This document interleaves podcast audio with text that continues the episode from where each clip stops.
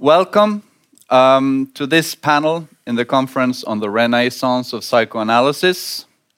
Um, this is a panel titled Psychoanalysis, Law and Justice, uh, which is a wide ranging topic. But to give you a general idea on, of uh, the basics of the connection, let me just say the following. According to Freud, the law originates with a primordial patricide, that is, a violent crime. In the wake of this crime follows legislation of various kinds in order that such murderous acts do not become the order of the day. In Freudian psychoanalysis, then, one could say that the law comes into being as a means to restrict, on behalf of socialized personality, the instincts and desires of the subject. The law is thus, in the Freudian view, intimately connected with the formation of the ego and the superego. In uh, Lacanian psychoanalysis, the matter is viewed somewhat differently. The main emphasis is here not so much on the way in which the law suppresses desire, but the way in which the subject's subjection to the law constitutes the subject's desires, needs, and emotions.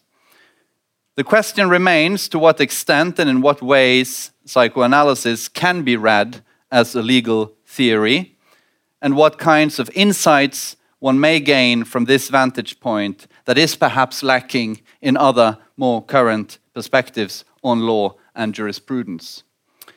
Um, to discuss issues connected with this, we have two prominent scholars. Um, Renata Salecl is a senior researcher at the Institute of Criminology at the University of Ljubljana. Uh, she's also professor of psychology, psychoanalysis, and law at Birkbeck College, and a guest lecturer both at London School of Economics and the Cardozo School of Law in New York. As a theorist, she is associated with Lacanian psychoanalysis and the critical legal studies movement. Uh, her books include Perversions of Love and Hate, On Anxiety, and The Tyranny of Choice. With regard to today's topic, uh, psychoanalysis, law, and justice, she has recently been exploring the court's new emphasis on neuroscience and genetics, a development that she has warned against, and she will expand on this soon in her talk or presentation. Leif Dahlberg is a professor of communication at the KTH Royal Institute of Te Technology in Stockholm. He is originally a scholar of comparative literature, teaching both at Linköping University and Stockholm University. He has worked on a wide range of subjects, spanning from German Romanticism and law and literature to migration, legal rights, biometrics, and surveillance. Um, he is going to talk about today. He is going to talk about um, the, the, the transference of psychoanal psychoanalytical terms from the situation, the, therapeut the therapeutical situation, and to uh, juridical situation. The juridical situation. Thank you. Thank you. Thank you the floor the is yours. Thank you. Uh, do you hear me? So uh, I'm going to give a very short presentation. Uh, uh, it's a draft of a paper rather than a, uh, uh, or a sketch of a paper rather than a, than, than a finished paper. Um, so um, have, have this, this, in, this in mind when, when I, I, I read to you this, this, this paper. Uh, so and also have very short time, so I'm going to be try to be to be very to the point. So the argument in this very short paper is to reflect on the possibility to apply certain psychoanalytical concepts in the setting of the courtroom. More specifically, in the relation between client and court interpreter. Client and court interpreter. The key uh, uh, transposed concept is that of transference, which in psychoanalysis refers to the relationship between a patient and a therapist, and also countertransference, which goes in the opposite direction from therapist to patient. The paper reflects on constraints, problems, and possibilities in applying concepts designed and developed in a clinical and therapeutical context in a different setting, in this case, the, the judiciary. A central question asked in the paper is to what extent the psychoanalytic concept remains psychoanalytical when they are applied outside their own domain and for different purposes. The results are preliminary and speculative. Introduction. Originally, psychoanalysis sprang out of a clinical context, the treatment of patients, and also as a critique of the institutional practices of the day. Gradually, psychoanalysis has emerged as more than this, aiming both to understand and to critique society and culture, and also to provide a means to understand historical processes. Yet, psychoanalysis, in the strong sense, continued to maintain strong ties to the clinic to the treatment of patients. At the same time, psychoanalysis itself became an institution, which engendered both internal conflicts itself and conflicts with new approaches to understanding the human psyche, which you will talk about. Already Freud made an attempt to apply psychoanalysis to the criminal setting in a lecture on the criminal mind. The application of his theories to understand how the law works both inside and outside the courtroom, has been attempted by, by others later. Most importantly or prominently, Peter Goodrich, Shoshana Felman, and Peter Brooks, just to mention three. I could mention others. The first, that is uh, Peter Goodrich, is trained in law, both using theories borrowed from other disciplines. Uh, no, sorry, to use to understand borrowed uh, uh concepts from other disciplines to understand and critique law. Felman is trained both as a literary scholar and in psychoanalysis. Uh, and the third, uh, Peter, uh, Peter Brooks, uh, focusing on narrative transactions and the confession to understand certain dimensions of how law works. To simplify what, or to the extreme, Goodrich seems to understand or consider law and jurisprudence as a social pathology that can best be understood using concepts borrowed from psychoanalysis, both in the analysis of individual, ca individual cases and as a system of repression. Felman seems to understand the courtroom as a privileged space to the workings of both the individual unconscious and the social unconscious. There is often a suggestion in Felman that the courtroom functions like the clinic as a way of working through traumatic experiences. This idea also is found in Brooks, who uses the notion narrative transactions as a placeholder for Freud's idea of therapy as working through difficult experiences. All three have a keen eye on the rhetorical dimensions of language through which the workings of the psyche manifests itself. Although all the three scholars that I have mentioned have not acknowledged the difference in settings, that is, between the clinical and the juridical, they seem to believe it is possible to transpose one from the other, although not perhaps entirely or completely. In fact, or this is my, my, my critical question, what is lacking in all three is an attempt to thematize the differences. They thematize the similarity, but they fail to thematize the differences between the clinical and the juridical. They seem to assume that the juridical setting is also a clinical context in which people are not just given the opportunity to be heard, conflicts to be resolved, and individuals judged, but also a place for treatment and healing. This may be true in some instances, or often, but the courtroom is nevertheless not a clinic. In a clinic, people may have an opportunity to be heard, and conflicts may also be worked through, but individuals are not judged, and the clinic do not impose legally binding punishments. Another way to reflect on this is the critique, or to, to, to, to invoke the critique uh, voiced uh, elsewhere against the critical tradition, and the uh, that the researcher should engage in clinical strategies rather than critique, echoing Marx's idea that it's more important to change society than to understand it. And now move on to transference. In this very short, short paper, I can only give a very short description of the complex phenomena called transference. The basic idea, as, as you may know, is that in the clinical setting, the patient projects certain feelings and ideas onto the analyst. In particular, these projections are related to one, important relations that the patient has had in the past, in particular to parents or other significant others. Two, the analyst as a person, projecting on, on the analyst as a person, a subject supposed to know, as a knowledge that, that, that is uh, imaginary, an imaginary investment uh, of knowledge in the person of the analyst. And three, a demand, a search for help, which springs out of a sense of vulnerability and helplessness. The idea of countertransference, which is less clear, relates to the libidinal investments made by the therapist in the opposite direction. I will not develop this notion here.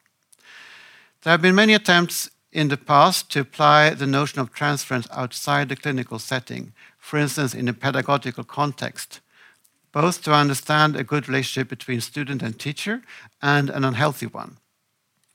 The notion countertransference has also been used in this context to understand how teachers tend to treat uh, different students differently, for instance, boys and girls. The conceptual pair has also been used to understand and analyze the relationship between superiors and subordinates in the workplace. What is important to remember is that for Freud, the mechanism transference is not seen as a side effect or problem in therapy, but a key element that makes it function or not function. Therefore, it's important for the analyst both to understand and, in a certain way, to control transference and also his own counter transference. The same seems to go uh, for the application of the concept in the pedagogical, con pedagogical context, although obviously the purpose of teaching is somewhat different from that of therapy. I will now see what happens when deploying the concept uh, of transference to the courtroom setting in relationship between the client and the court interpreter. Here I should perhaps first respond to the obvious question why focus on the relationship between the client and the court interpreter? This must, after all, be a rather marginal phenomena in the court setting. Yes, this would be the typical point of view from the legal system, which generally treats the interpreter as an invisible person in the courtroom, typically without an assigned place, yet at the, yet at the same time that is, at the same time as the interpreter is supposed to be invisible, there are official rules and guidelines governing the practice of the interpreter in the courtroom. Rules formulated by the court, rules that show little or no knowledge of how interpreting works. However, it's obviously not the purpose of this paper to critique the judiciary on this regard, but to look at the relation between client and interpreter.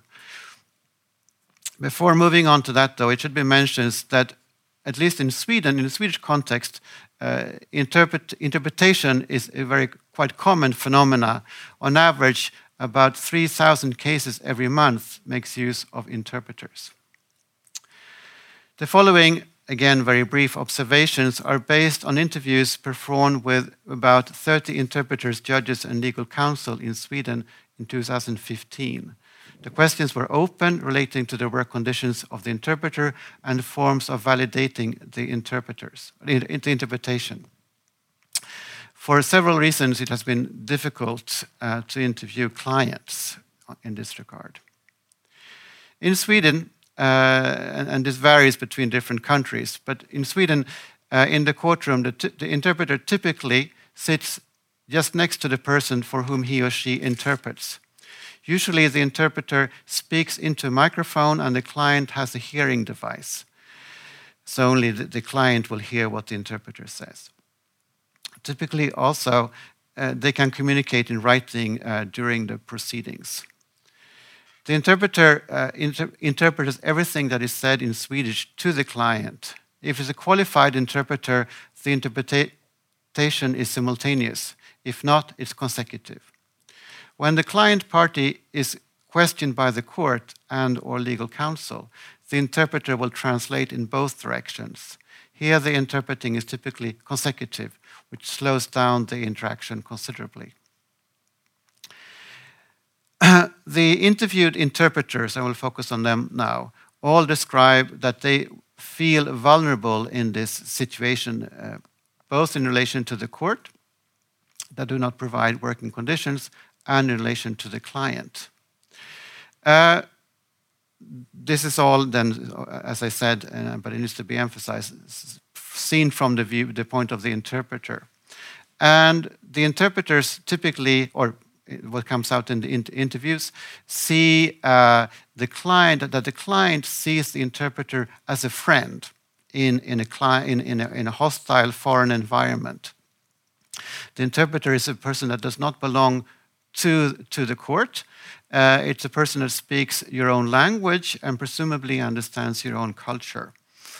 Um, it's also a person that is presumed to understand the legal terms and legal procedure, and a person uh, that has a, a, calming influence uh, on, on, on, on, the person itself. And there's a, as you can, as you can hear, hopefully, there is a, a certain investment uh, taking place uh, from, from the client on the interpreter, investments that have a similarity, although it's not identical, to transferent. Also, uh, investments, transference, projections that the interpreter cannot control, is not in control of. Uh, at the same time, uh, and, and, this is when the interpreter is speaking in the first person, the interpreter feels very, as I said before, vulnerable in this situation. He or she feels exposed, uh, and as if he or she cannot defend himself or herself against these investments made by the client. And uh, the interpreters we interviewed, they described different strategies that they used to, so to speak, defend themselves against these projections or this transference taking place. Uh, some did, in, in, fact, insist not sitting next to the client. Uh, others made sure that they, they uh, came at the last moment and left as soon as possible, or had other sort of strategies to make maintain uh, distance to, to the client. Uh, in the interviews, we did not specifically address uh, the question of, transference. It was not even on the agenda. It was something that came up afterwards when we, when we analyzed the material. Uh, yet it was clear that the interpreters felt implicated in the relation in a way they could not control. Um, and uh, yeah, which yeah, sorry, which I already said. Is a sketch of a paper, so everything is not worked out yet. Uh, at the same time, then, there are uh, obvious differences. It's not a clinical situation. Although uh, the, the, interpreter is a subject supposed to know, uh, he or she is not somebody who will sort of answer questions about uh, or, or, have knowledge about the patient and so on. And uh, as I said before, or in, in suggested, the situation is very different. It's a, it's a judiciary situation. The person, the client, if, at least if it's somebody who is accused of some crime, will there be, to be judged. And although the, the interpreter is seen as an AD, uh, as an ally, is not somebody who has power over the, uh, the client uh, or the party in any regard. So uh, to, to end this very sort of, or conclude this, this very uh, short paper that is very speculative, uh, I will sort of ask the question then, is our, not can we apply the psychoanalytical concept of transference in the, in the court setting, but are we still talking about transference in the, in the psychoanalytic sense? Or has the concept, in fact, changed so much that we're talking about something else. We're not using transfers in a psychoanalytical sense, but in another sense. And in that case, in what sense? Thank you, Leif. Um,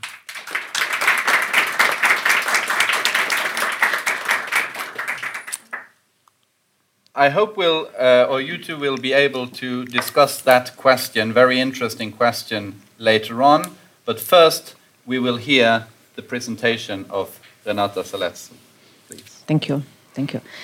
Um, I have been working for some time on the question of how psychoanalysis can help us understand people's relationship to law. And uh, as uh, we have heard from Freud at, at the start, you know, Freud has already kind of analyzed this question, Lacan in his own way. And I think that we have to kind of move a little bit further, especially with the changes that we are observing in regards to the perception of subjectivity, the development of neuroscience and genetics, and more and more kind of pushing us back into kind of a biological thinking of subjectivity. And not surprising, you know, in the domain of criminology, you have a whole new revival of that. Adrian Raine is a um, well-known psychologist in the United States who published an influential book called Anatomy of Violence, where he openly says that we have to go back to Cesare Lombroso and to rethink, you know, his ideas about sort of finding the truth in biology. In his case, it is either the gene or the brain. Now, uh, psychoanalytically, it is interesting, of course, to observe how people internalize law or not, how they relate to the existing judicial system, uh, sometimes with enormous anxieties and sometimes not at all. And in, we also have cases where they believe that there is a higher law, like maybe some a word coming from God, and although they know that they are transgressing the existing social law, because they're following the higher law, they have no feeling of guilt. So we see a big difference between the three traditional kind of organizations of subjectivity that psychoanalysis is talking about neurosis, psychosis, and perversion in regard to social prohibitions. So if neurotic is usually full of doubt what does law want? Uh, am I doing the right thing? Many times uh, also full of guilt, especially in cases of obsessional neurosis. Uh, the psychotic, is, his guilt or her guilt usually does not exist. Or if we have the feeling of guilt present, it is very, very different. It's kind of a fixed feeling of guilt. An example would be um, in uh, Andrea Yates, um, in the early uh, 2000s uh, killed her five children in the United States because uh, she felt that she is a bad mother and she wanted to secure them space in heaven. She believed into some religious, religious teaching of a, of a priest who said that bad children come from bad mothers and that if they die before they reach adolescence, they can be saved. Now, when she committed that crime, she called the police, and she was later perceived as being capable of standing trial, although there were also, you know, visible signs that she was suffering from mental illness. But because she knew the difference between right and wrong, she called the police.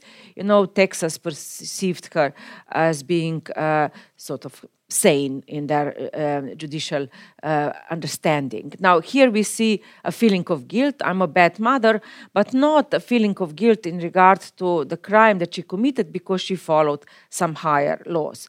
Now, the most tricky cases are the cases of perversion, where a person quite often, you know, has internalized to a point social prohibitions, but not in a way totally. So in psychoanalytic uh, language, we would say that uh, in perversion, symbolic castration did not fully operate. And often a person is trying to repeat it, a kind of ritual to kind of impose a certain prohibition on him or herself, like a masochist would be a case of someone who is trying, in a way, to constantly, you know, draft, you know, a regulation how he should be beaten up, and you know he repeats that again and again. Sometimes even performing almost kind of a self-castration rituals. It is interesting to observe how in today's time all these categories are still very much in place, but with the help of the new technology, we see certain kind of changes in how they are uh, acted out. Um, in the case of perversion, we observe quite a lot of uh, sort of the new types of perversions emerging with the help of new technology. Maybe you have heard about the cases of upskirting. Upskirting is a kind of a, the attempt, uh, mostly it's done by men, who try with various devices to look under female skirts. Now, when I researched a little bit this phenomena, I observed it's quite prevalent among lawyers themselves. So there was a famous case of an American lawyer who, in his office, installed cameras under the seats of his female employees and he demanded them to shift kind of seats in regard to which was wearing like the shortest skirt. She was supposed to sit there where the cameras were secretly implanted in the, in the floor, and he was recording this whatever he saw under the skirts. And then there was another lawyer who had a passion of recording what is under the skirts of women in the subway. And you know he was using a mobile phone device. Now, um, there was a very interesting case, legally tricky case, in the state of Tennessee, where some uh, some people were recording uh, underskirt the, the, the space underskirt in a shopping mall. Some were using a devices planted in the top of their shoe like a secret camera. Others were, had devices implanted in their shopping bags, and they would stand with the shopping bag under, behind the woman, kind of recording what is happening under the skirt. Now, a legal case emerged. Um, uh, uh, women, uh, you know, pressed charges against one man, and they lost and the first reasoning was that in a public space like a shopping mall, the, the space under your skirt is not private, but it's public. So unless you are in a changing room, you cannot say that you, there was really intrusion on your, in your privacy as you can imagine, there was a huge, um, you know, uprising in the feminist community. And the second uh, reasoning was that they changed the, some kind of regulations, and now this space is also perceived as private space. Now, however, it is interesting to observe also that you know you, we can observe we can see especially about some lawyers this desire where we see that you know this kind of a old psychoanalytic reasoning about the kind of uh, the enjoyment in transgression might in a particular way, way be present precisely uh, in the judicial uh, system you know. And of course there are other enjoyments in transgression that you know uh, we like to enjoy it. if there is kind of law prohibition of course we might enjoy it even more now one case described uh, to me by a british psychoanalyst also showed an enjoyment when you are actually in charge of law, you know, sitting uh, as a kind of a presiding just, uh, judge in a court, and you know, among the judges we know we have a lot of mental illness, a lot of alcoholism, a lot of anxiety, and so on. There are many books written about suffering of lawyers, but there is also some particular enjoyment sometimes in place linked to this position. So, one psychoanalyst described a case of a, uh, a judge who lo loved. Uh, you know, transgressing in a variety of ways in his private life. And one of his uh, enjoyments was uh, he, he was married and he had a mistress. But then that was not enough as a transgression. So, on top of the mistress, he hired a call girl. Now, he's arranged a, a kind of a meeting where he asked his uh, call girl to come to his um, judicial palace at a particular hour. And half an hour later, he asked his mistress to also come. It was like late in the evening, like uh, people, uh, the other workers were not there. And he, when he was in the embrace with his call girl, he left the doors open so that the mistress would catch him in this act of transgression you know? So there was obviously an enjoyment linked precisely to be in the place of law of, in the pal- in the judicial palace to do this mm, you know triple transgression we can say and of course to be caught in a way. So psychoanalysis can help us you know to understand you know the enjoyments transgressions. And let me briefly point out what is sort of changing in today's times. Um, I have been looking uh, a little bit at neuroscience uh, and uh, genetics, how you know they're creating a kind of an idea of coming close to what Lacanian psychoanalysis would call the real, the ungraspable in the subject, the, what is in the place of the leg. And I, have, I came across a couple of cases that might be, um, you know, something we will need to discuss in the near future, which involve the problem of so-called wrongful, wrongful birth.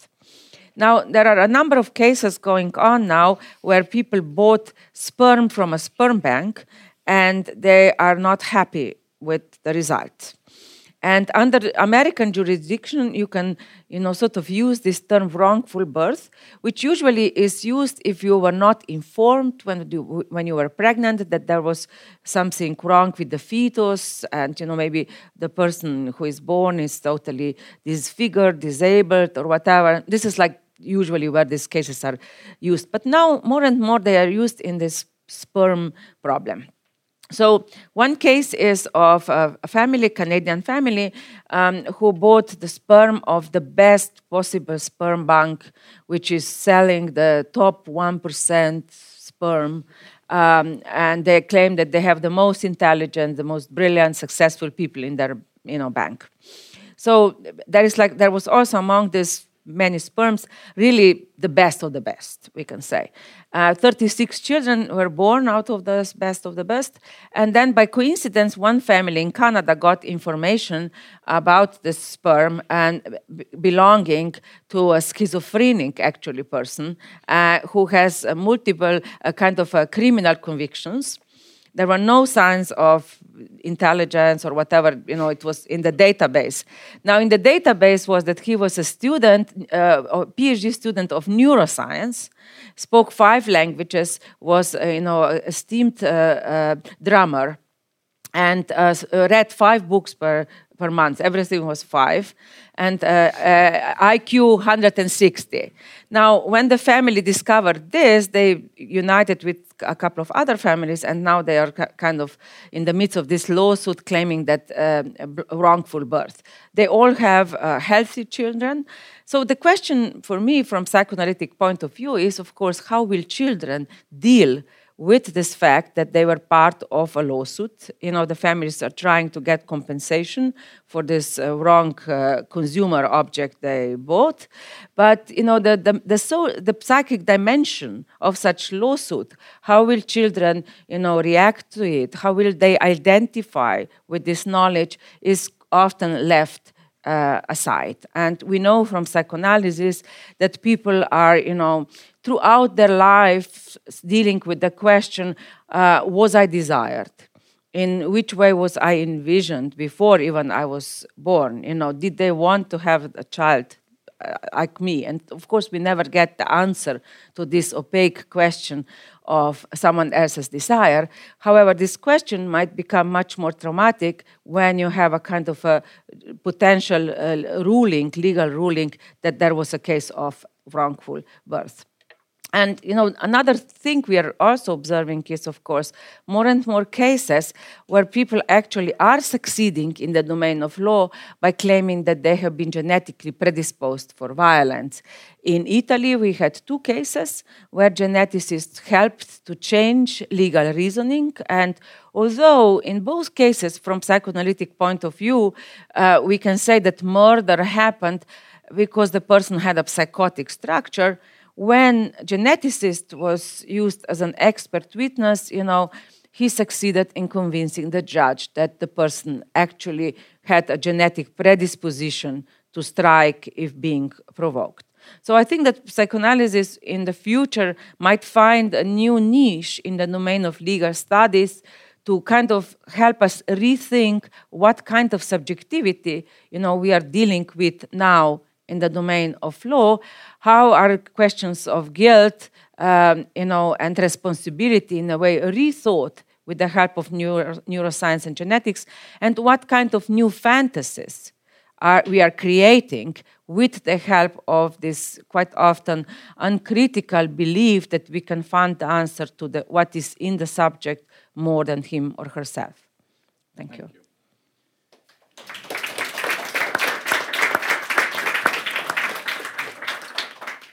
Um, okay, I think we'll just uh, go right to the discussion. I think uh, uh, we'll we'll uh, we may we may take a break later if you have to uh, go to the bathroom, but um, for now we'll stick to the discussion. Uh, okay, so I was just wondering, Leif, if you had a, a response to what Renata was saying from your perspective. I mean you have been a little bit critical of just simply applying psychoanalytical terms to uh, the legal context. Uh, well, your, your, your paper was, was uh, very sort of op- uh, like more a series of questions than, than, than answers. So, so uh, um, and and uh, in in that way, uh, I guess a proper response would be to to ask you to to pursue your questions uh, in some more more more detail.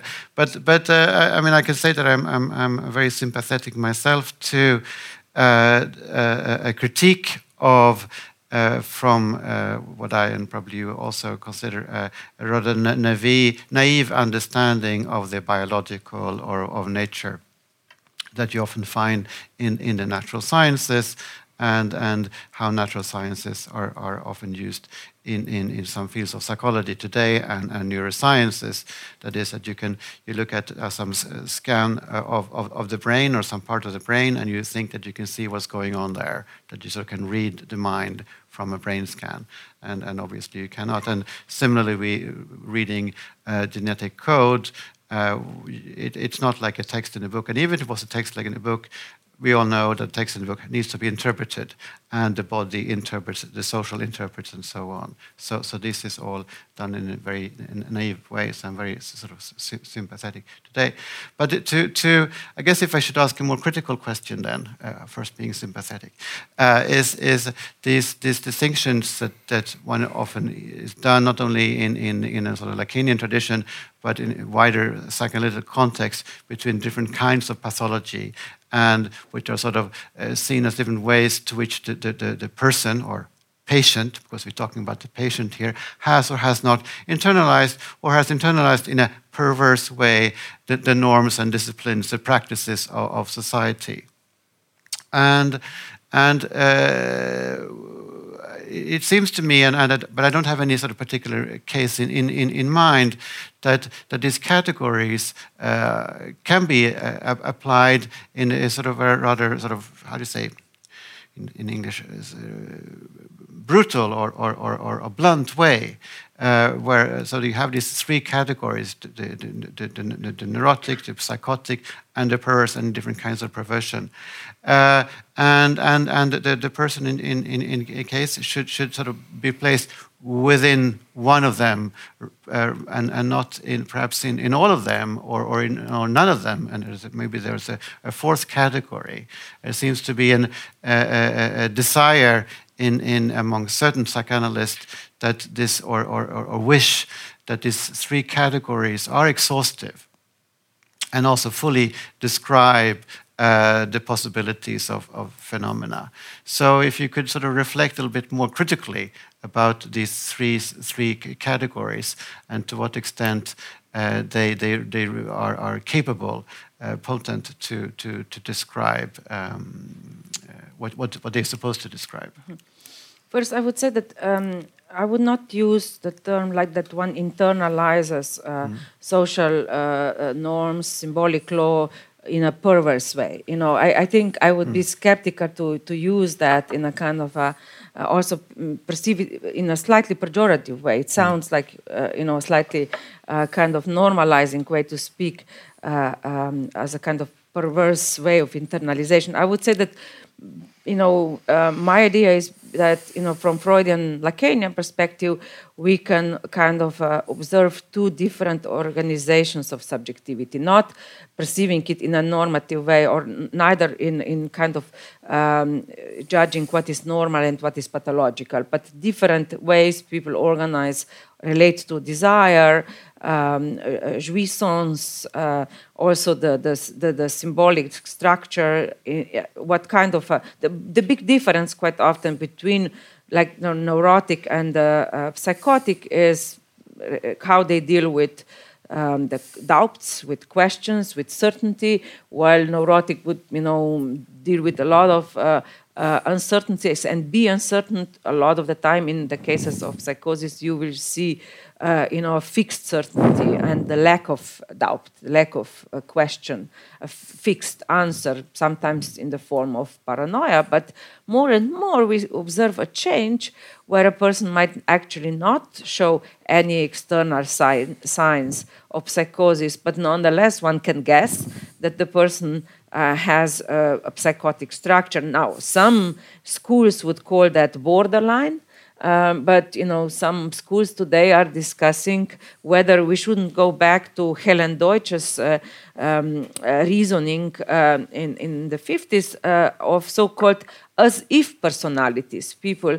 who don't show external signs of uh, uh, delirium, delusions, and they seem to be integrated in society, but however, um, they function differently than people who have in a way kind of uh, um, internalized social prohibitions in the way neurotics uh, do. So the as if personality is sometimes also called ordinary psychosis. Uh, or uh, white psychosis in some French uh, theoretical circles, and um, some of uh, uh, these cases, you know, have been discussed also in psychiatric uh, mm, uh literature as kind of psychopaths. Uh, there is a famous book uh, written by a psychiatrist who worked for many years in prison, and then he start, started analyzing people in, in the high echelons of corporations. And the, the book is called Snakes in Suit. And you know, his idea was that some of the heads of corporation seem to have similar kind of a structure than you know people who he described uh, you know as kind of psychopaths uh, in in prison with the sort of lack of compassion for others um, uh, a very ruthless uh, pursuit of certain goal and being capable of you know being aggressive and violent to uh, to a point uh, without you know feeling uh, remorse. And you know sometimes uh, in today's neoliberal times we praise that you know the capacity to fire to grab power and so on so i would say that these categories might still be valuable uh, however up to us is to analyze what might have changed also in the types of symptoms that people are suffering from. But I had a comment on your uh, performance, if I can um, come back to it, um, which it reminded me your uh, analysis of translators.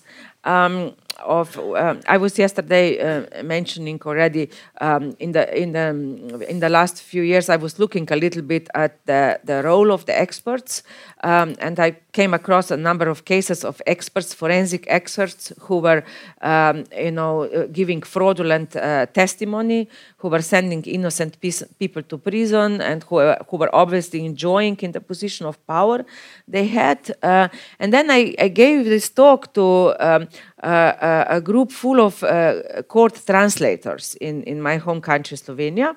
And in the discussion with them, I learned that among translators, you also have some who are enjoying wrongly translating. You know, so uh, in the in the break, a number of translators came to me. They didn't want to kind of uh, some expose themselves publicly to tell about the cases that if people were translating from some languages which were you know very uh, um, uh, kind of uh, far away that no one else spoke in the courtroom if there was no other translator present um, there were cases of extreme mistranslation, sometimes not as a result of the lack of uh, knowledge, but an enjoyment. And sometimes also real intervention in how they interpreted something.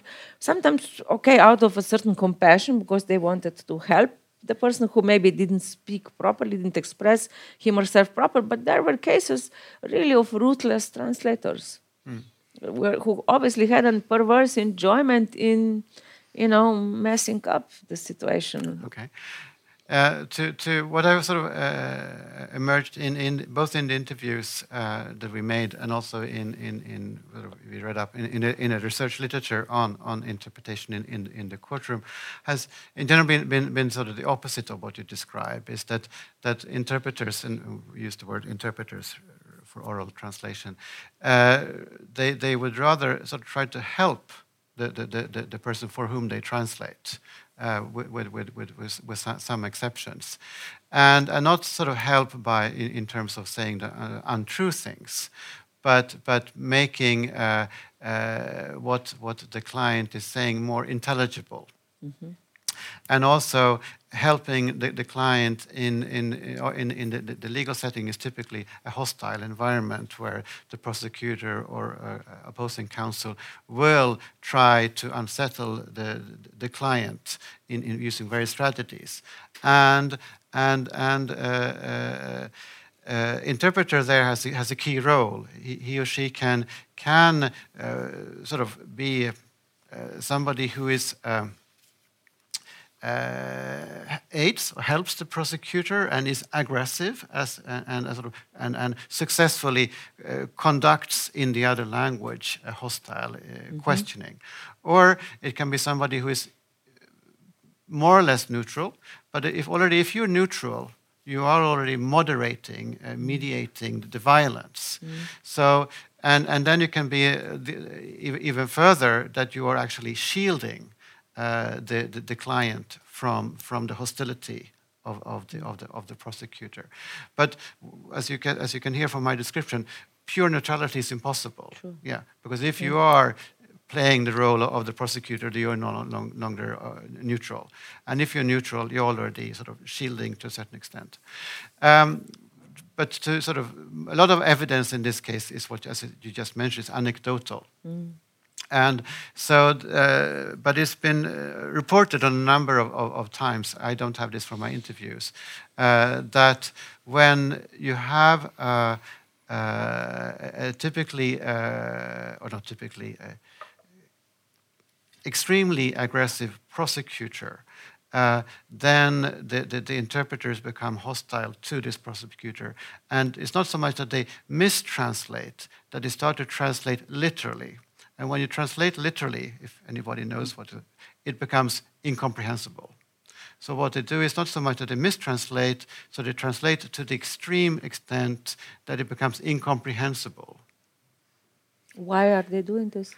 Uh, because the, the, the, well, if it's a prosec- the prosecutor is so aggressive that they, they, they sort of react in a, let's call it, unconscious way, uh, aggressively against the aggressivity, aggressivity of the other person, and the way that they sort of how this carries, is carried out in, in their, in their um, uh, job as translating is that they translate verbatim what the other person say, and by translating verbatim, they're making the translation incomprehensible for the prosecutor, for for the client, and then the client cannot answer the questions because there is no, there's no the, the, the sort of what is being said is rendered meaningless. Uh-huh. So, so that in a way is even more efficient than, than mistranslating. Right? But it's, it's a similar sort of a, a approach, although it's not because they're perverse, it's more because they respond in a very, you could say, human way to the aggressivity uh, uh, performed or executed by, in this case, the prosecutor. So, but, but that doesn't mean what, what, you, that what you described doesn't happen, but I don't have that in my material. But when they translate it meaninglessly, mm -hmm. uh, is, that's not really usually helping uh, the client. Uh, well, it, you can say that it obstructs the the the the, um, the, the, the proceedings and in, and in that sense, it, it, it helps the, the or it doesn't help, but but it uh, since it, it it makes it impossible for. Um, well, you know the, the legal mm-hmm. situation. Mm. You have a hostile prosecutor, hostile uh, uh, opposing counsel who is trying to unset uh, and, and make uh, the, the party contradict him or herself, become uncertain, and, and so on, and in, in this way uh, prove his or her point if, if the, the, the interpreter effectively blocks this strategy, yes, in that case, he helps the client mm. or the party. Um, Do you I, understand what I mean? Yeah.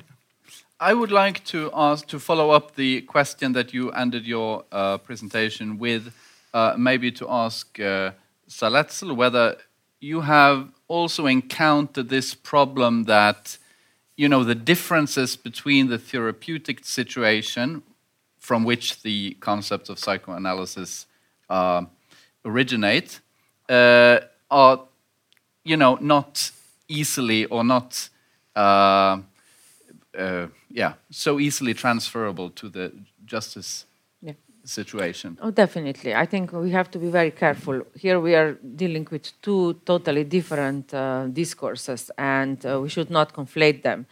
So, if we look at the issue of responsibility, for example, in psychoanalysis, especially like let's say Lacanian psychoanalysis, a concept of responsibility would be much more severe than the, than the, the way responsibility is, dealt with in the courtroom.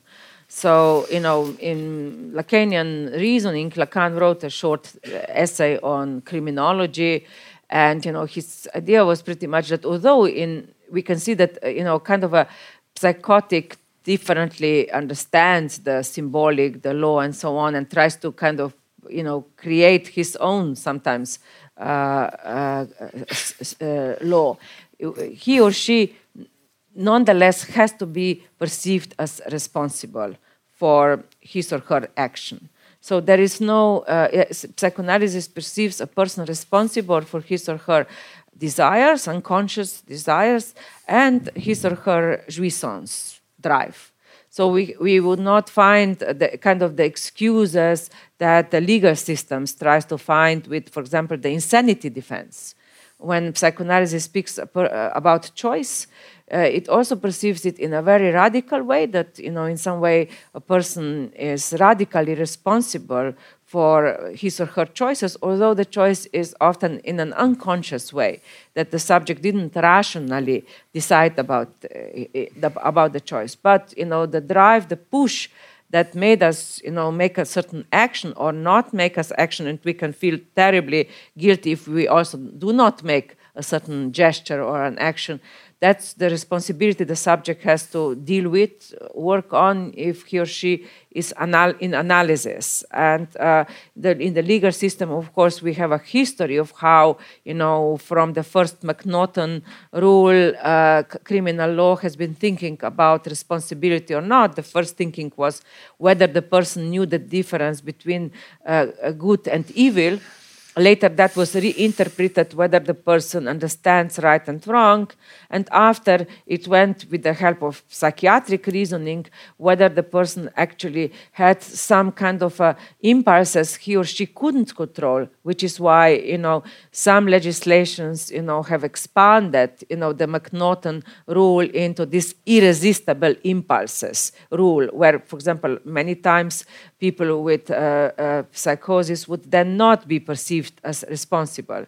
And just as an illustration, when I mentioned at the start Andrea Yates' case, um, at first she was perceived responsible, although it appeared that you know she had lots of problems after every birth of a child. She had a postpartum uh, psychosis, not simple depression. You know, she was kind of hearing voices and and so on. Uh, but then, you know, she would put in prison for life. She wanted to get death sentence because she believed that at that time George Bush was the president, that George Bush is God's representative on earth. He also believed that in some way because when he intervened in Iraq, you know, he was speaking that kind of God is telling him. But so because she felt that uh, devil uh, took uh, you know possession of her is inside her. Her idea was that only death sentence could kill devil in her. So coming from the representative of God, Bush, execution would kill the devil in her. The members of the jury and and you know the prosecutors knew this, so they actually went for life imprisonment as a better punishment because she wanted death penalty. now, when she was in prison, um, a retrial happened because um, in the audience there was a, um, a, writer for Law and Order series, television series. And in the first trial, the psychiatrist who was hired on the side of the prosecutor to show, to claim that she didn't have schizophrenia and that she's totally capable of standing trial, that psychiatrist, Dr. Dietz, argued that Andrea Yates watched a Law and Order series in which a mother kills a child after, you know, postpartum depression, and with the help of this th uh, theory of postpartum depression, she gets off the hook. Is not punished. So he claimed that Andrea Yates actually was identifying with that Law and Order series. Now the writer who was hearing that, uh, uh, you know, went after the trial and watched all the series and didn't find that series. As a result of this, the defense team was open, reopening the trial, was succeeded in reopening the trial. Dr. Dietz, in this second trial, admitted that he had the kind of a delusion that this series existed. he had to admit that he was making it up. He said that he thought that it existed, but now he knows that it doesn't. And as a result of this, this retrial, she was actually perceived incapable of standing trial, and uh, in, insanity defense was successful in this case. So we can see that in the legal terms, what mm. is insanity, what is responsibility, are part of a different discourse uh, mm. which we cannot conflate with psychoanalytic. Dahlberg, do you have a comment? Uh, well, I think that this is what you what you're getting at now is, is one of the sort of very interesting and very uh, problematic uh, dimensions of, of the, the interrelations between uh, law, law and psychology is that in what I suggested in my paper is that you have a more like a transposing or in, in grafting one discourse onto another. But what you're describing now is a situation where if from a psychological, to use a wider concept, a person is considered to be uh, not responsible, uh, that's not the end of the story, but then law will have to decide on that basis whether the person or not is, is uh, and, and there, in fact, you have a meeting of the two discourses. and, and, that, and that is very interesting and also very problematic, uh, this, this encounter that you just described between two different kinds of, of, of, knowledge. And this is not something that I've sort of discussed in this paper, but, but, but I think that this is very uh, interesting and, and it becomes uh, in, in the contemporary setting and in talking about the sort of possible renaissance of, of psychoanalysis. I mean, it will mean different things in different sort of national and cultural contexts, but in, in, in this possible situation that we have today, where neuroscience and, and a certain kind of science-based psychology is, is gaining ground at the same time as more sort of psychoanalytic concept tradition are, are losing ground, and, and also in, in, in general, where psychological psychiatric treatment means using, using drugs rather than, than using therapy, the, it sort of becomes clear that this uh, meeting or, or intercourse, to use another uh, term, between law and, and, and psych psychology is, is very problematic and also something that is, uh, happens within the realm of sort of uh, attempt to, to sort of, I mean, one cannot just talk about power and, and, knowledge. One has to use the Foucauldian notion of power knowledge in order to, uh, to understand what, what's going on there. And if you look at individual cases that you talk about, it's almost sort of laughable, you know, this imaginary TV episode in, in, in, in a TV series. But if we look at it more uh, generally, there is a, uh, I call it like a, a, combat internally within psychology to define what is psychology, and you can use Bourdieuian, Bourdieuian notions to, to, to, to understand that.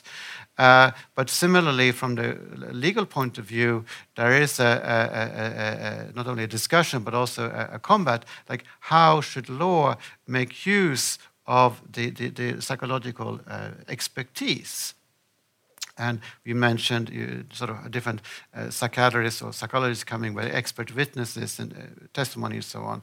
But you have other situations where uh, you have uh, medical doctors who come in and they are supposed to be experts on de deciding uh, the age of refugees and and there are sort of methodologies that have all been sort of like disqualified, but they're still being used, uh, or sort of what, what the methodology, methods suggested that there's a, a 10% uh, chance or, or, or, certainty that this person is uh, 18 years old and, and 90% and, and this kind of figures or measurements makes perfect sense within the medical discourse. But in the legal discourse they don't make any sense because in the legal discourse you want to have a yes or no. Is this person 18 years old or not and, and when then the legal discourse tries to translate this information that it gets from the medical discourse, you have a mistranslation. So, so, so things are much, they're not black and white, they're very complicated. And, and uh, for, for this reason, it's difficult to give sort of gen general answers to that. You can look at individual cases, and, and you can look at also general trends on how law understands different kinds of medical or, or psychological facts, and so on. I think psychoanalysis, uh, you know, will have quite a lot of work to do in understanding the new forms of transference that is emerging in the legal domain, especially with the new types of uh, experts, but also the you know the new visually uh, that you know the kind of uh, the new imaginary that we are identifying with. This case of Dr. Dietz is not so um, so kind of uh, uh extreme. Um, we have now, uh, especially in the United States, the whole kind of new phenomena emerging, which is called the CSI effect the identification of the members of the jury with the series CSI or forensic files, where they literally want in actual legal cases what they have seen in the movies. You know, the mm. members of the juries demand, you know, the, almost for every single uh, simple case, uh, forensic expertise. You know, because they believe in what uh, in what the fiction presented it as a kind of finding the truth, or we can always capture the criminal even if we only have a DNA sample, even if it's I don't know how many years old, and that mm. kind of the new belief that all law is all will always find you. I think it's really important to understand. It's mm. a kind of a shift.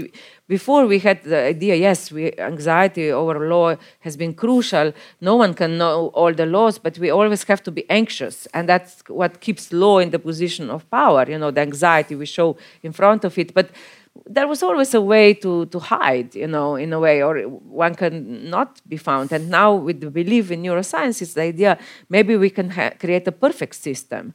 Like uh, New Zealand, for example, has a fantastic uh, biobank, forensic biobank.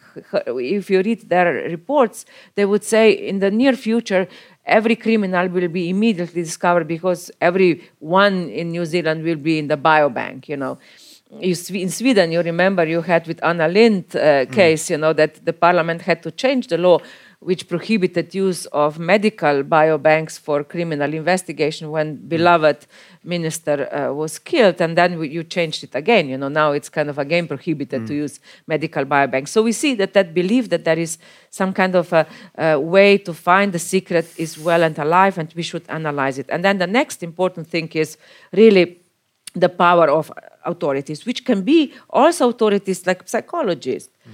Let's say uh, the famous psychiatrist Roy uh, Meadow, when he discovered the famous Munchausen by proxy syndrome, when, for example, mothers claim that they are saving the child, going from doctor to doctor, but they are secretly actually, you know, either, you know, ruining the child by over medicating the child, or, you know, sometimes even secretly, you know, inflicting uh, uh, pain or illnesses on them. When he became expert of this, wherever, in whichever criminal case against the mother he testified, the woman would be sentenced you know, especially in, in the very tricky cases of uh, crib death, you know, when he or his acolytes were in the positions of authority, when that believe in the power of, of the, the this new um, expertise, this new psychiatric uh, uh, illness was, uh, you know, uh, very strong,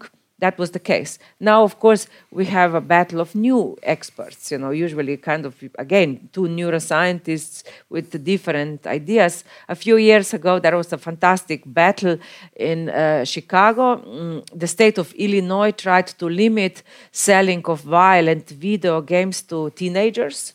And they hired a neuroscientist who claimed that kids become more violent if they play violent games. But the gaming industry hired another one who was much better kind of sk- better skilled in convincing uh, you know the judge about the neuroplasticity and so the gaming industry because of you know a better more skilled expert they won you know so that's kind of i would say Yeah. the new game yeah.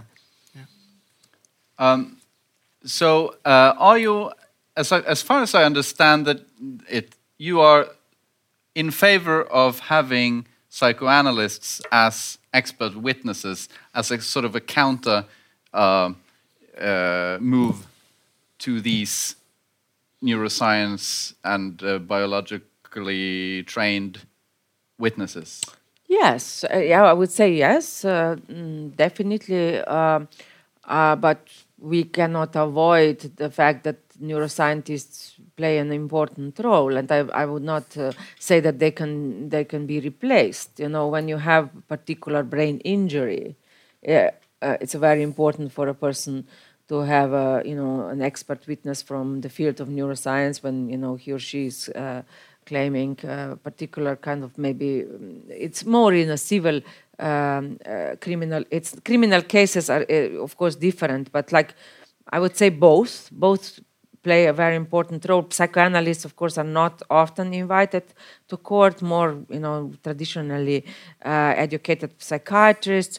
But there are now psychoanalysts who are working in prison and uh, doing really interesting work with uh, prisoners who are uh, they who volunteer that they would like to, to work with prisons. And often you know they are explaining they are expla- they are uh, pointing out very you know important backgrounds uh, life experiences of people who have committed crime which of course might not have helped them in the ju- judicial system. But um, if if expertise of psycho- psychoanalysis would be maybe more embraced that could have been the case you know that the person would have a di- get a different judgment as a result of a certain uh, interpretation that a psychoanalyst offered. Yeah. So the, the psychoanalyst would, in some uh, way, be useful in court just to remind everyone that an expert witness doesn't necessarily have to offer certainty everywhere, but maybe to open the field a little bit, or as you say, to rehumanize the criminal, maybe even. Yeah, yes, definitely. Yeah. Yes. Do you want to comment on that? No. Okay.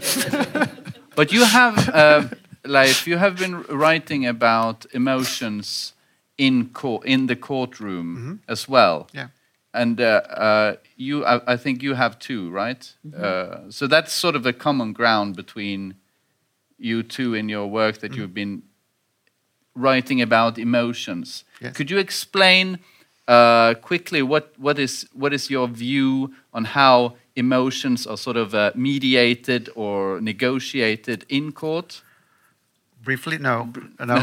but but uh, I could say something that is interesting from a sort of uh, within the topic of, of psychoanalysis. And uh, no, I haven't sort of done extensive research, literature research on on sort of psychoanalytic theory, and this I could ask, perhaps take occasion to ask you about this. But from from the extent that I have read up on how psychoanalysis views emotion, it is interesting that a lot of it is uh, that I have seen is, is sort of based on early Freud, and, and early Freud is, is sort of he has a you know in contrast to, to later Freud, he has a, a, a more sort of like a biological understanding of, of the human being and human psyche, and it's sort of where his idea of that that human being is, is basically a sexual being comes from. That we bio, bio, you know, sex is, and biology is, is the same thing. And, and for, for early Freud, emotions are, are basically physiological and, and therefore universal. Uh, that means that they are not, not cultural, not social, and that they come in some way within the person it's himself or herself in response to external stimuli. This, this theory uh, of, of emotion that you find in, in parts of psychoanalysis, I, I, I find completely useless in, in, in, in, uh, in my research. It does not useless uh, in, in other contexts, but, but, but what, I, what I see at, as, as, a, as emotion, that it, it is, is cultural specific, historically specific, and it happens between people. and and and uh, I, I, I do employ psychoanalytic concepts to, to make sense of it. It's overdetermined, for instance. Uh, it's often unconscious, and and, and, and, and and so on. But uh, uh, what I, in, in my research on, and now trying to address the question that you, you, you did ask, is uh, that in order to sort of make sense of what's going on in, in the courtroom, in the courtroom setting, uh, I, I think that it's crucial to to, to, to look at emotion and how emotion is performed, and to use this, uh, a, a concept from sociology of work, look at the emotional work performed by the different actors, uh, the professional actors, the, the, lawyers, the judges, the prosecutors, and uh, the, the, the, interpreters, to, to, to, to, sort of see, see what's, what's, what, what's going on. And I would think, I would imagine that, that uh, looking at the emotional performance, to use that term, of the courtroom could be very interesting from a, a psychoanalytic point of view to sort of to sort of you, you uncode or decode the legal language going on and you recode or or, or you, you un whatever coding you want to yeah. call talk about uh, the, the coding in, in terms of uh, uh, emotion and, and effect and, and you can, you, you, it would be in a certain way a more Nietzschean analysis of, of what's going on in, in the courtroom. You have you know, raw conflict, you have things happening, perform, you know, pr productions, energies, and, and, and so on. And uh, and then trying to sort of describe and, and, and make, sense of, of, of this in, in, a certain way, much more raw material that's going on in, in the courtroom is, I think, is interesting. I mean, you will see rather animals fighting it out rather than, you know, uh, snakes in suits or lawyers in suits. So by raw, you mean Dion Dionysic? Uh, no, then it would be you know drunk and you know and, intoxicated. No, it, it's uh, that you you I mean, we typically uh, in, in, in the not only well, Western discourse, see emotions as representing the, the irrational. Yes. You know? and, yeah. and legal discourse attempts to, to put these irrational conflicts on a more rational and, and sort of intellectual level.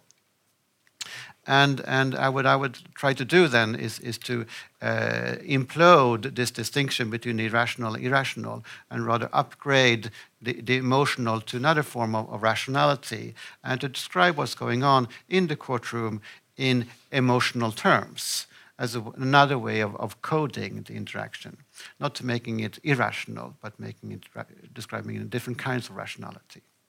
Like yeah, yes, um, I observed sort of this phenomena more in the context of the feeling of guilt. Um, um, I was looking um, at the cases of uh, forced confessions when people who didn't commit crime uh, suddenly confess that they have. Uh, we have sometimes people who literally, you know, try to convince uh, the uh, court that they have killed someone, although they have not done anything wrong. You know, for some people, we can say that there is maybe an, an abstract feeling of guilt at work, and they really want to be guilty of something, which is what Freud already analyzed. You know, in the in the text where he speaks about criminals out of sense of guilt. You know, that out of abstract, the abstract feeling of guilt might be so overwhelming that you know we are searching for transgression for, to at least be guilty of something.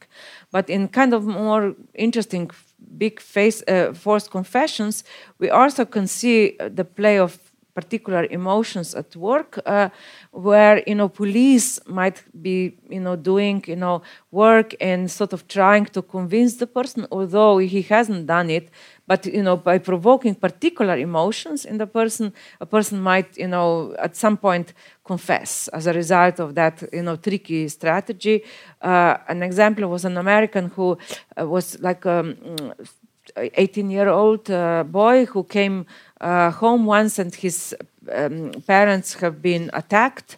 Uh, mother was dead and father was sort of like uh, still alive, but then taken to the hospital. And uh, a few hours later, he died. And police uh, started questioning the boy, claiming that he has killed uh, his father, that he should admit. He said, No, no, no, no, no. And then the policeman uh, kind of went away for a short time and then came back and he said, now I just, you know, briefly spoke with your father in the hospital, who before dying, he said, my, fa- my son did it.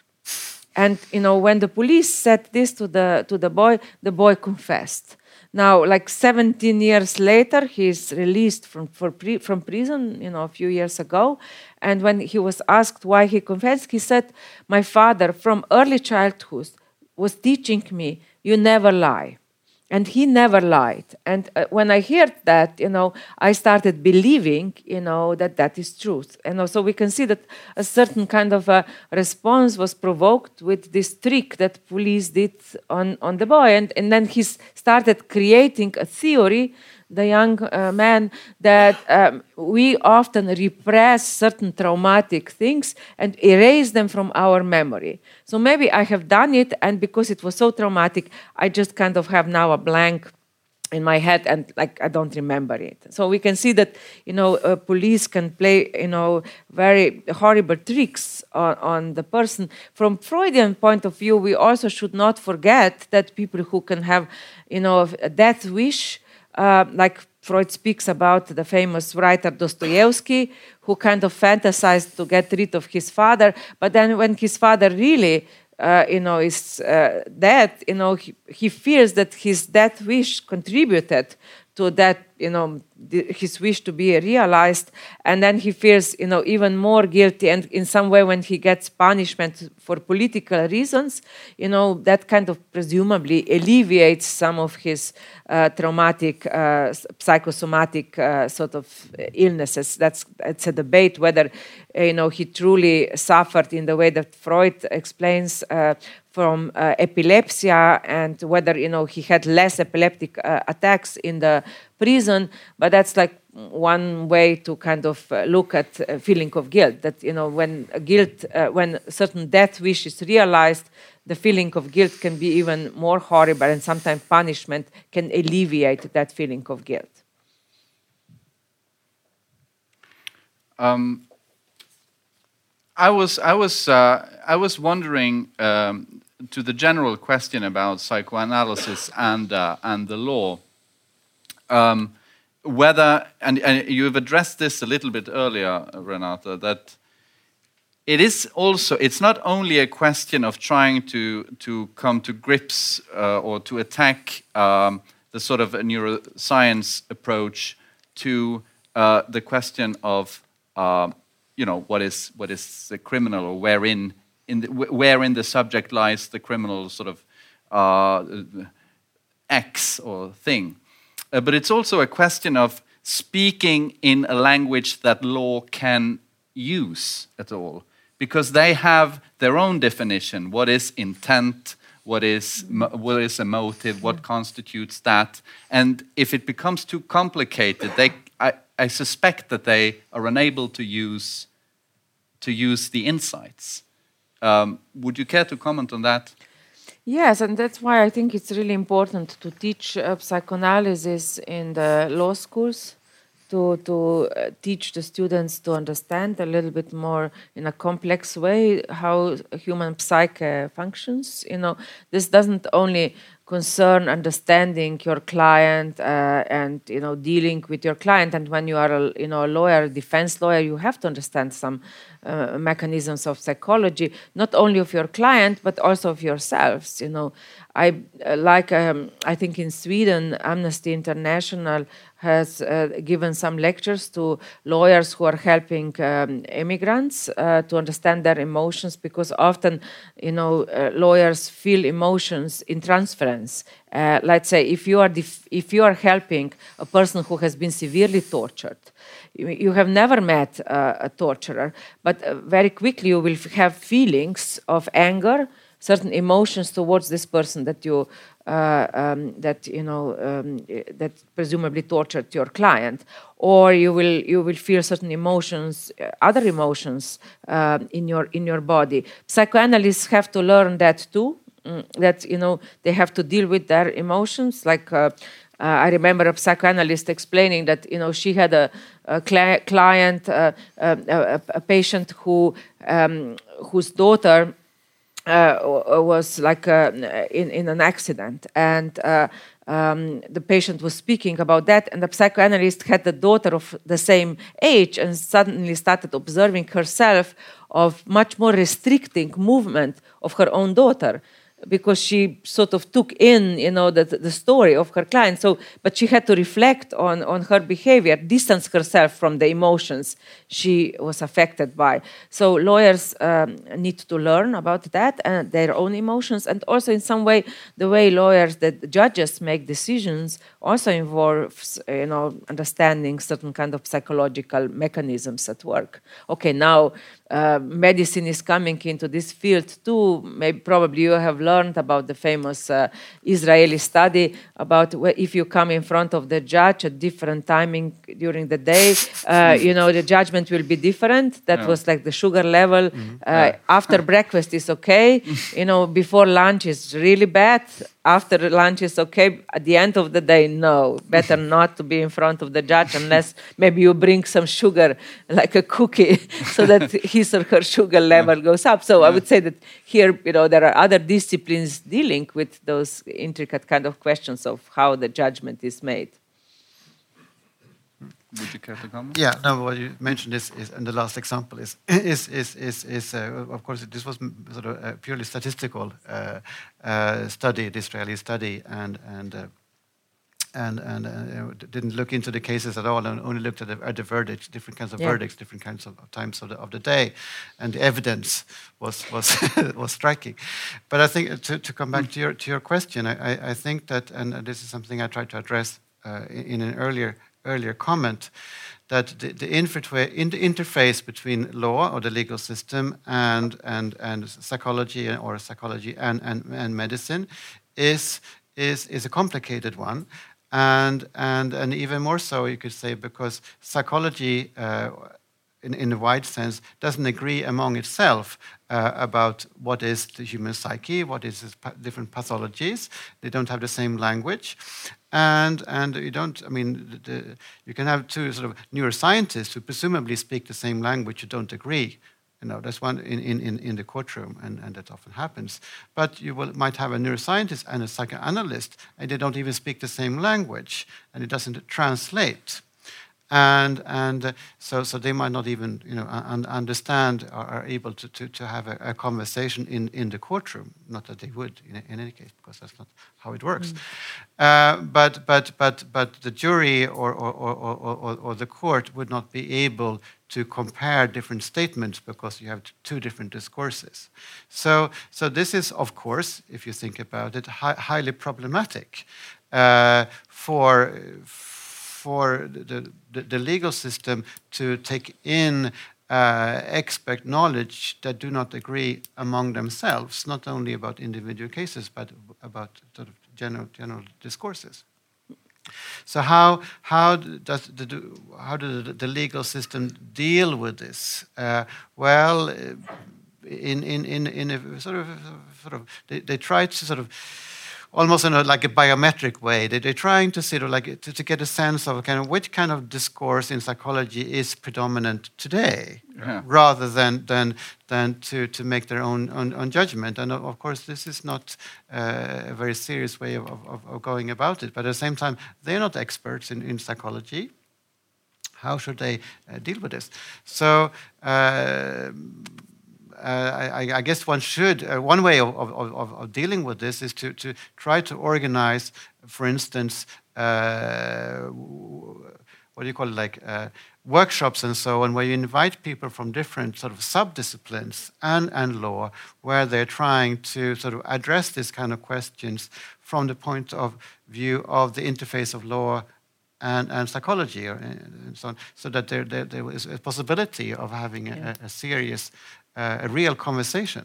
Let me uh, add something to this. Uh, law doesn't agree with itself either, yeah, with the, with the yeah. idea of who is the subject. Yes, in the definition of legal subjectivity who is the subject in front of the court there has been you know such change in in the perception you know, and law has been very much influenced by other disciplines, philosophy, the, you know, the ideas developed by Descartes, Kant, first hugely influenced you know contemporary perception of subjectivity in some way empty subjectivity you know not fully determined by biology or by culture but then you know feminism cultural studies you know, psychology very much influenced the thinking about the insanity or uh, incapability of standing trial. Now we have neuroscience genetics, the rethinking of the idea of free will we have a rethinking of you know who becomes like a legally responsible subjectivity which age which is also very culturally different you know when do you punish teenagers or, or children as adults? And here we have to admit that neuroscience you know has has changed american perception. So that for example for uh, for children they are not now anymore you know kind of imposing capital punishment uh, because neuroscience convinced uh, the supreme court that a teenager's brain with some in some cases develops with different speed uh, especially parts of the brain where we think that uh, reasoning about, about consequences of someone's actions is kind of linked to. So, but you, would you agree that I think I think I think you, one could say that there is a sort of common ground between the brain science and psychoanalysis in just that they are both challenging the common sense notion of free will. Um, yeah, but uh, I, I, think first uh, neuroscience in a way didn't challenge it. Like the, the legal system or legal reasoning of free will is still pretty strong. We thought that with the Libet experiment things would change, but they didn't change. Of course, there is a lot of discussion uh, around it, but nonetheless, there, we don't see the major kind of changes in the kind of a quite old-fashioned classical you know perception of free will in, in the legal domain and psychoanalysis yes uh, it does uh, but at the same time psychoanalysis doesn't give up on the idea of choice for example yeah. freud was speaking even the, about the term neurosenwahl yeah. Uh, he didn't think that we rationally choose neuroses, but he didn't want to perceive the subject as fully determined, and he wanted to see the subject as someone who creates his or her own symptoms. He says her own yes. answers to the you know the setting in which he or she lives, and you know although he didn't choose that setting, the symptoms, the answers, the pain is of subjects his or her own making, which allowed Freud to think about possibility of change too. If you know, if he were to abandon the idea of in a way choice, although he didn't perceive it as a rational choice, change would not be able, you know, a co concept psychoanalysis would be able to rely on. I see. Uh, I was wondering whether we should maybe open up for questions from the audience. Um, and uh, I think we'll do that. So I'll keep my eye on the audience to see if there's some one wanting to make a comment or a question. One always have uh, to wait a little bit.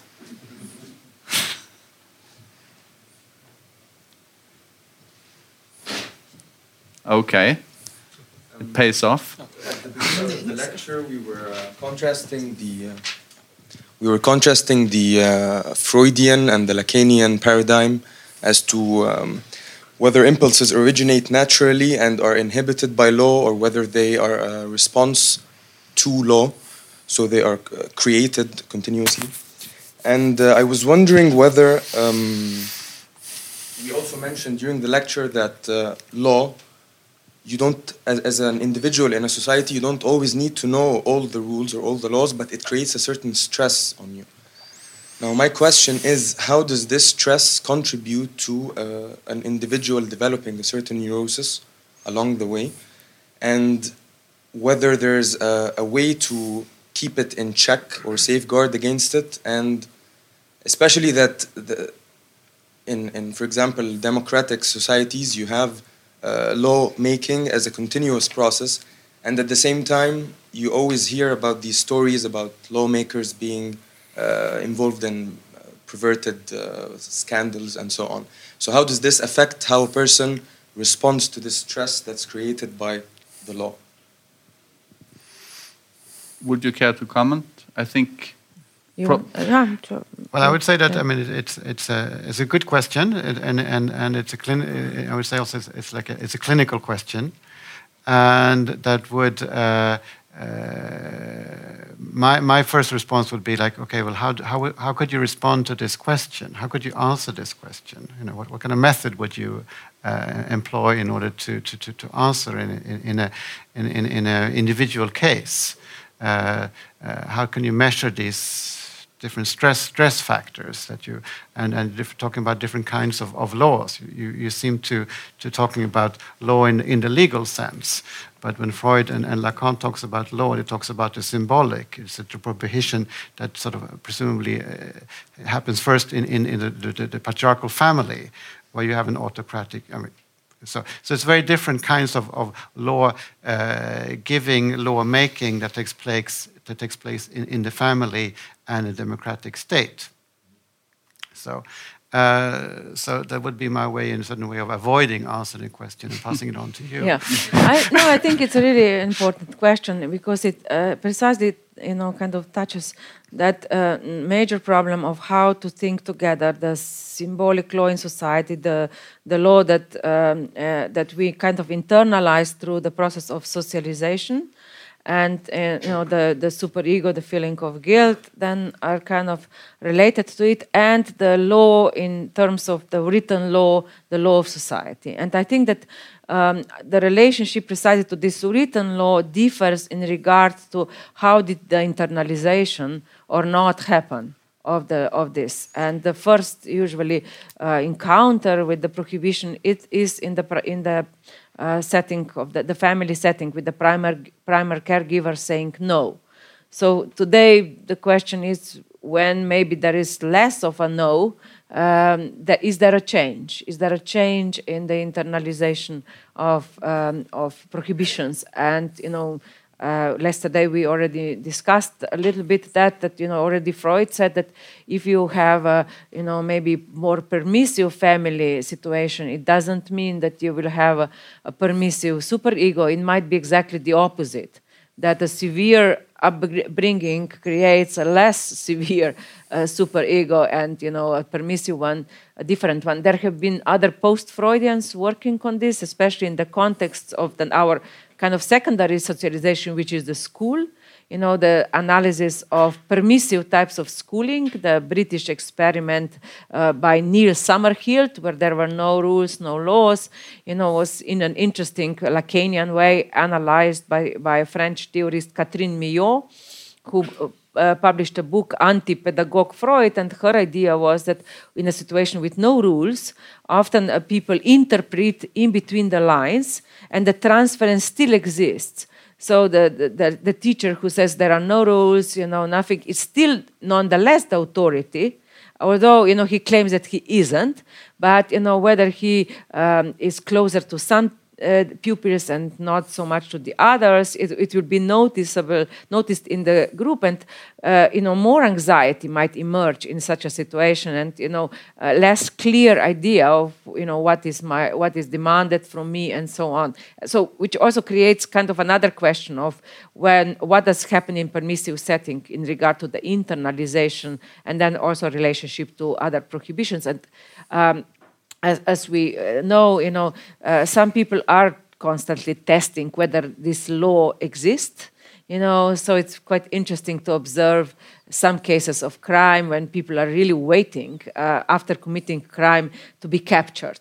You know, you have some um, uh, some killers, like especially some mass killers, who would literally kind of wait to, to be captured or sort of, uh, in some cases, uh, there is a desire to be punished, as- I said uh, before. But then in, in other cases, you might have people who are completely oblivious in regard to, you know, what the law prohibits in society and are following their own, you know, maybe the law of the God or maybe their own idea of what is right and wrong. It also to, to translate uh, your, your question from your clinical question to a pedagogical question. Uh, in in in contemporary Western society, uh, there is a sort of imperative that one should uh, raise uh, or teach pupils, children, to, to become responsible and, and critically thinking in individuals. And, and you can think of this in different ways, but in a way, obviously, the, the idea is that you should teach small people the difference between right, right and wrong, and the way that you should teach them is that you should make them uh, employ this concept and in, in, a creative way themselves, so that in, in sort of like Lacanian way, they should make their own prohibitions. They should, you know, and and and uh, and then you could, you know, having translated a clinical question to a pedagogical question uh, in, in, a certain way that is sort of empowering, liberating, and, even neo, neoliberal. But at the same time, it is putting the, the individual under enormous pressure to him or herself make the decision what is right and wrong. Which and that creates stress, severe. which creates stress, yeah. as, you, as you said. So, so uh, I, I, think that, that the, the, the, the, answer then to the question is that yes, uh, in a democratic society, we are under more stress uh, in, in, in this regard, but that's the condition of the democratic society, that having the stress upon us. But when we are um, educating children often we nonetheless call upon the law. You know, let's say when they are unruly small children, we would say the policeman will take you. You know, you will be punished if you cross the road. by policeman Or be hit by a car. Yeah. yeah. Okay. Um, do we have more questions?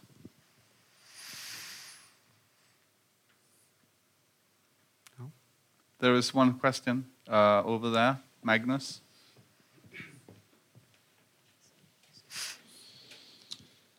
Uh, yeah. I guess you have kind of been touching upon it all along, but perhaps you one could try to be a bit more clear because I believe the whole psychoanalysis and law question is a question of subjectivity. And what kind of subjectivity is at stake, which is very clear, or at least, yeah, it's quite clear with Renata, which always talk within a psychoanalytic perspective, but with, with Dahlberg, it's a bit, a bit more uncertain what kind of subjectivity you operate with in a way. So if you, both of you perhaps could clarify what concept of the subject when you, when you, when you, when you work with the law, what kind of subjectivity do you operate with? Yes. Uh, I think that I, uh, not being uh, trained as a, as a psychologist, um, I have not. I'm not. I'm not very disciplined in in that that regard. I'm, I'm perhaps rather eclectic, but the the my understanding of well, the term the subject is something that I, a term that I never use in my writing actually, because uh, I, I, find it uh, it's a misnomer. It's a it's a legal term uh, relating to somebody subjected to either power or, or, or law. And, and, and the, the individuals, the beings that I'm dealing with, of course, they are all un, under the law, but, but they're not, that's not the way how I, they're the, operating, so, so to speak. So I, I, the way that I look at on, on, on the individuals then are as culturally cultural beings who are, uh, of course, highly programmed and determined by, by, by culture in, in, in various ways, uh, different kinds of, sort of, group settings where they have been uh, passed through and, and, and, and, and, and, and, and uh, sim similar relationships. And uh, sort of the, the, the I'm, try, I'm trying honestly to answer your question here. uh, in in in in uh, so internally speaking, then I would say that I'm, I'm uh, operating uh, with, with uh, not a, a set, uh, set uh, understanding. I cannot claim to that I know what sort of the, the internal uh, mechanism or sort of uh, architecture of, of the individual looks like. I don't, do not subscribe to the, the sort of any, any, sort of the Freudian versions of, of it, although I, they can be informative. I would rather say that if I were uh, subscribe to any theory would be the black box theory that I, I, don't really know how it works inside there and it's interesting look to look at the brain scan but i don't really say that I think that it says very much about what's going on similarly if i would look inside this, this thing here it wouldn't teach me much on what's going on there. So, so but, but basically, uh, uh, I, I, perceive uh, uh, the, the, the, individual, the, the, person, as somebody who is tied up in various sort of social uh, relationships and, and, individual relationships, and, and who's being formed and, and, uh, and also de de deformed by, by this. So, so in that, for, for these reasons, I don't think that it makes a lot of sense to talk about the subject in, in, in a classical sense, because this is, this is a, a term where the social is, uh, to a large extent, uh, absent or, or, or simplified. So that's my, my answer to your question. Yeah, I, I embraced a more Lacanian perception of subjectivity uh, when I speak about you know the subject, subject marked by lack, subject who you know has no kind of a clear identity, who creates a kind of a story, a fantasy um, about him or herself, uh, constantly shifting. Of course, we can also uh, speak about Freud's ideas of the ego, you know, being you know very kind of a temporary uh, shaky structure, uh, you know, always uh, you know undermined by its super ego, searching for ideas, identifications. But in the legal setting, however, we are speaking about another definition of subjectivity, which I said radically changes throughout history and what is, of course, important for us is also to understand that legal subjectivity doesn't pertain only to human beings. You know, corporations are perceived as subject, and uh, in the very near future,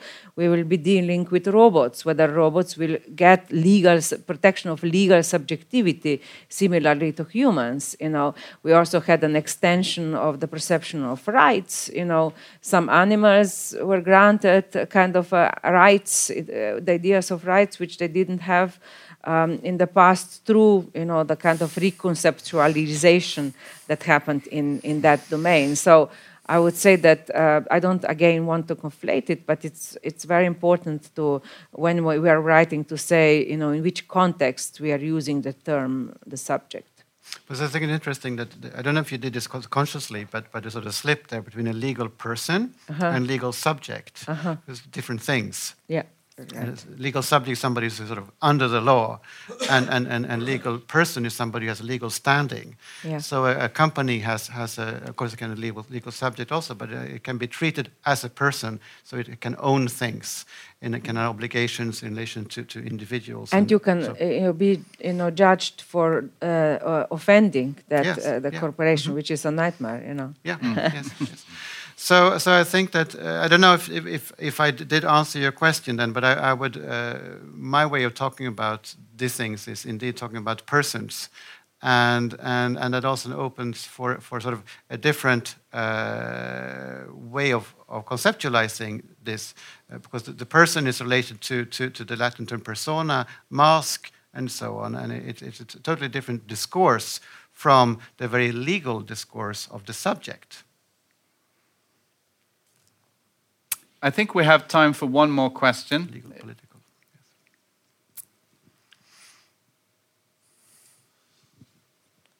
Yes. Well, yeah, thank you for a brilliant discussion.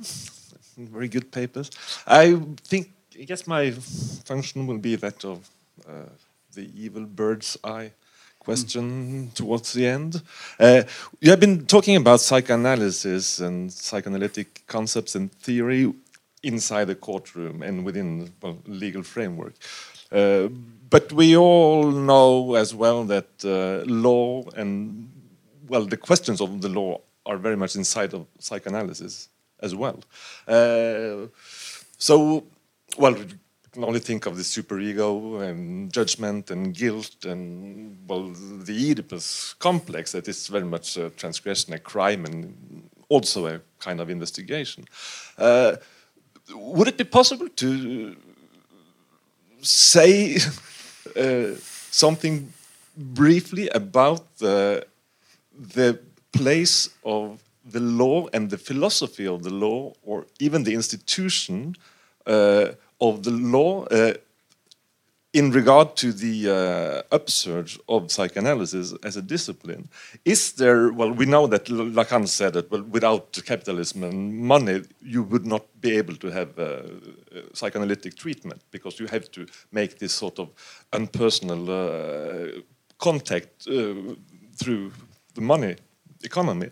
But is there a sort of a point in the history of law and jurisprudence that sort of favors the uh, upsurge of psychoanalytic insights and theory? Uh, or is that a question that is too broad to address uh, briefly towards the end of the panel?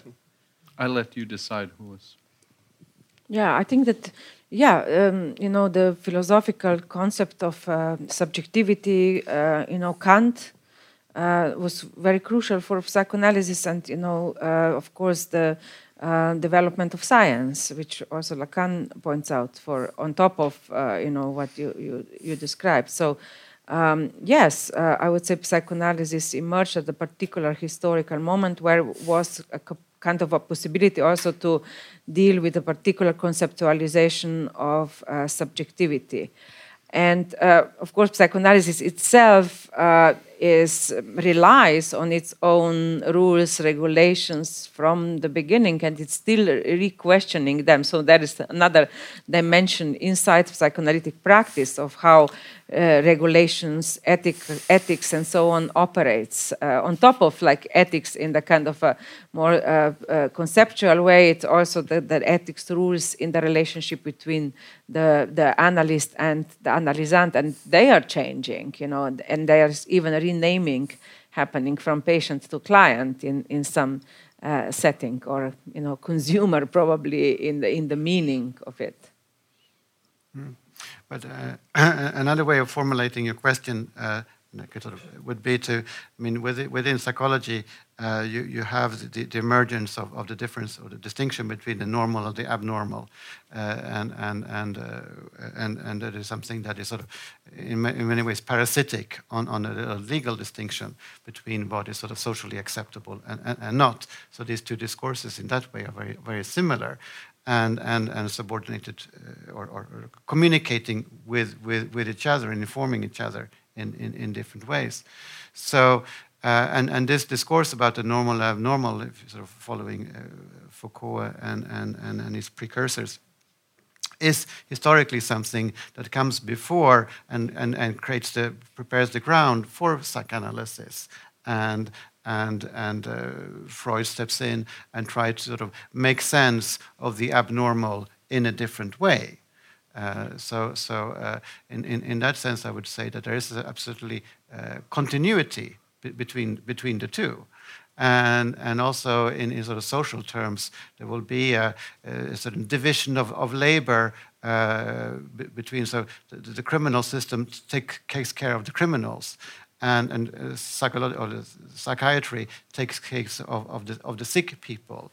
And, and, and the, the, crucial question is like, you know, you have these borderline cases where you don't know who exactly belongs to who. But, but ideally, uh, it's possible to make a lackmus test to see that, well, this person belongs to, to, to in, in, in, um, in, in, hospice or something like that, and this one in, in a prison and is that rest, the rest are, are, are, sufficiently normal to, to have raised children and, and have uh, you know, be, roam the streets roam the streets and, and have employees and, and, and, and so on. Okay we thank, uh, pro the professors uh, renata salecl and leif dahlberg for this wonderful discussion and uh, the audience for coming. Thank you. Thank you. Thank you